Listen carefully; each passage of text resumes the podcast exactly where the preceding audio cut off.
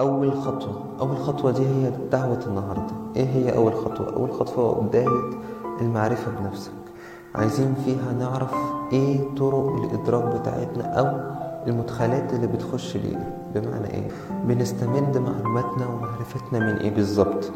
يعني مثلا أنواع المعرفة والإدراك بيها كتير جدا زي منها القراءة المشاهدة السمع وحاجة عن طريق الأخبار أو المعلومات اللي بيجينا نسمعها في كل دخلاتنا اللي بتخش لنا. بمعنى إيه؟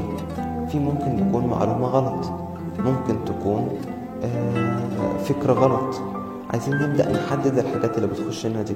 فكل واحد مهم أول مهمة يعملها ليه؟ هو يرصد إيه الحاجات اللي داخلاله عشان في حاجات ما ينفعش تخش له. يعني مثلا معلومة غلط أو فكرة غلط كل ده هيأثر عليه وعلى سلوكياته وطريقته.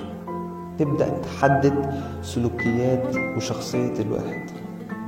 كل واحد يركز على إيه اللي بيخش له ويكتب ويشوف ويفلتر. هل فعلا المعلومة دي صح؟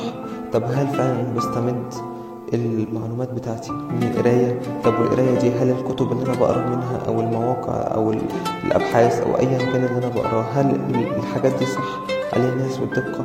ولا الكتاب ده أساسا غلط؟ ما ممكن يكون مصدر المعلومة غلط. فمصدر المعلومة الغلط ده هيبني حاجات غلط بعدين. ما بني على باطل فهو باطل.